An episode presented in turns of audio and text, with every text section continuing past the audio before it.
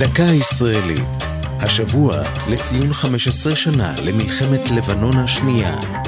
והפעם, קרב הסלוקי. בליל שבת, 11 באוגוסט 2006, כ-32 יום מפרוץ הלחימה בלבנון, יצא צה"ל למבצע שינוי כיוון 11. זאת בעוד הדיונים המדיניים באו"ם על תנאי הפסקת האש הגיעו לישורת האחרונה.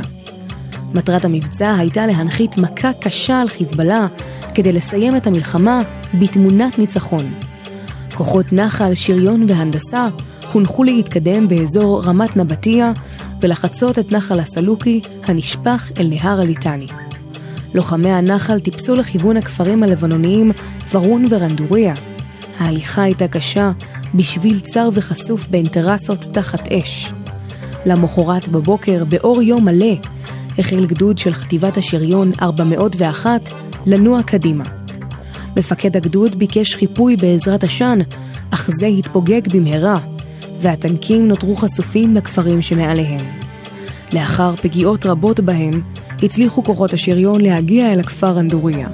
שם המתינו עם חיילי הנחל לכניסתה לתוקף של הפסקת האש. בתום 60 שעות לחימה, נמנו 33 חיילים הרוגים.